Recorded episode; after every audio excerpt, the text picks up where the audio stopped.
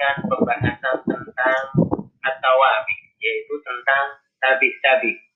Dan secara khusus pada pertemuan kita kali ini kita akan memfokuskan diri di dalam memahami salah satu dari tabik yaitu at-tauqid. Baik, sebelum kita melangkah lebih jauh tentang pembahasan tauqid ini, alangkah baiknya kita melihat tentang definisi dari tauqid. Tauhid adalah tabik yang disebutkan di dalam kalimat untuk menguatkan atau menghilangkan keraguan-raguan dari si pendengar. Kami ulang bahwasanya tauhid adalah tabik yang disebutkan di dalam kalimat untuk menguatkan atau menghilangkan keraguan-raguan dari si pendengar. Jadi, yang dimaksud dengan tauhid ini adalah semacam kata untuk menguatkan apa yang hendak kita ucapkan. Seandainya kita mengucapkan sesuatu, mungkin ada sebagian pendengar yang masih ragu-ragu. Maka untuk menghilangkan keraguan-raguan dari pendengar ini, maka kita tambahkan taukid dalam ucapan kita atau dalam tulisan kita, ya. Sehingga setelah ditambahnya dengan taukid, maka si pendengar akan merasa yakin bahwasanya apa yang kita ucapkan itu adalah benar adanya. Sebagai contoh misalnya kita buat Ja'a al-ustadu nafsuhu. Ustad itu telah betul-betul datang. Seandainya kita menghilangkan kata nafsuhu misalnya, kita hanya mengatakan Ja'a al-ustadu, Ustad telah datang, mungkin sebagian orang akan menyanggah kita atau akan menyangkal kita yang datang belum tentu ustadznya. Paling cuma asistennya paling cuma mahasiswanya, paling cuma orang kepercayaannya, dan beberapa prasangka-prasangka yang lain. Maka untuk menghilangkan praduga-praduga tersebut, keraguan-raguan tersebut, maka kita tambahkan dengan tauhid. Di sini kita gunakan nafsuhu ya, kita gunakan nafsu ditambah dengan domir ya. Ja'a al-ustadu nafsuhu. Nah, domir ha ya ini kembali kepada ustad ya karena ustaz dia mufrad muzakkar maka kita tambah dengan ya hu ya yang kembalinya adalah kepada ustaz. Setelah kita tambah dengan nafsuhu di sini maka para pendengar secara otomatis akan betul-betul yakin terhadap apa yang kita ucapkan bahwasanya yang datang betul-betul adalah seorang ustaz.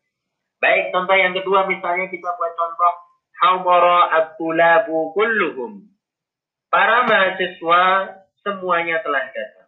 Seandainya kita cuma mengucapkan hadhara'atullah ya, para mahasiswa telah datang, masih ada yang bertanya-tanya, ya. Mungkin saja ada mahasiswa yang belum datang atau cuma satu dua orang saja yang datang. Maka untuk menghilangkan keraguan-keraguan ini, untuk meyakinkan bahwasanya semua mahasiswa telah datang, maka kita tambahkan kullu sehingga menjadi kulluhum. Sehingga bentuknya menjadi hadara abdulabu kulluhum. Para mahasiswa semuanya telah datang. Demikian. Sehingga tatkala kita sudah menambahkan lapat tauhid, maka secara otomatis para pendengar akan meyakini ucapan kita. Baik, itu adalah definisi ringkas dan beberapa contoh singkat dari at-tauhid. Sekarang kita masuk ke pembahasan tentang macam-macam tauhid. Baik bahwasanya tauhid ia terbagi menjadi dua. Di sana ada tauhid lafzi dan ada tauhid maknawi. Baik, apakah yang dikenal dengan tauhid lafzi ini? Maka kita akan sebutkan di sini bahwasanya tauhid lafzi adalah tauhid yang disebutkan dalam suatu kalimat dengan cara mengulang lapat yang hendak dikuatkan. Ya namanya saja lapat ya. Tauhid lafzi. Yang bentuknya adalah lapat. Maksudnya apa? Maksudnya kalau kita hendak menguatkan sesuatu lapat kita ulang lapat tersebut. Ya ini namanya tauhid lafzi. Sebagai contoh misalnya ya. Mata hasanun hasanun. Ya hasan hasan telah meninggal.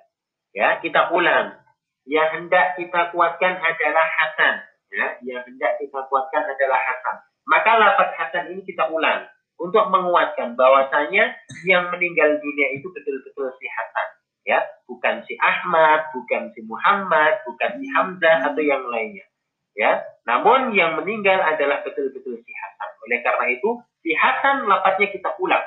Sehingga menjadi apa? Mata Hasanun Hasanun. Sehingga orang yang mendengar akan betul-betul yakin. Baik, sebagai contoh yang lain misalnya, Utila Aliyun Aliyun. Ali Ali telah dibunuh. Ya, maknanya bahwasanya untuk meyakinkan para pendengar bahwasanya betul-betul Ali yang telah dibunuh, bukan yang lainnya, ya, bukan yang lain. Nah, uh, itu adalah tentang taukid lafzi ya, tentang taukid lafzi dengan cara mengulang lafaz yang hendak kita kuatkan. Kemudian kelompok yang kedua dari taukid adalah taukid maknawi ya, taukid maknawi. Apakah yang disebut dengan taukid maknawi? Maka kita jelaskan di sini bahwasanya taukid maknawi adalah taukid yang disebutkan dalam suatu kalimat dengan cara menambahkan lafaz-lafaz khusus. Jadi sudah kita tentukan di sana ada lafaz-lafaz khusus yang digunakan untuk menguatkan sesuatu.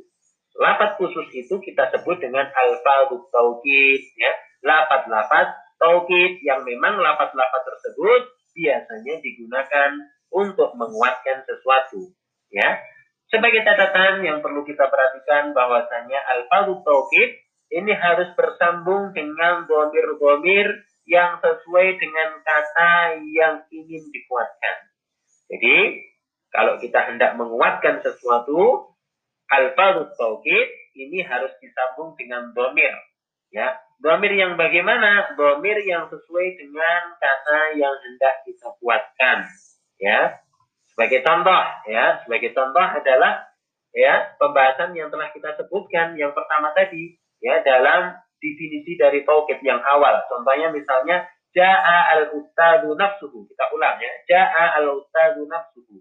Maka ustad di sini dia bentuknya adalah ya mufrad muzakkar. Maka di sana ada lafaz tauhid di antara alfaz tauhid yaitu nafsu ya. Nafsu di sini kita gabung dengan domir ha ya hu di sini ya. Karena dia ya mengikuti domir dari al ustad ya. Bentuk dari al ustad adalah mufrad mudakar maka domir yang sesuai adalah bu, ya di situ.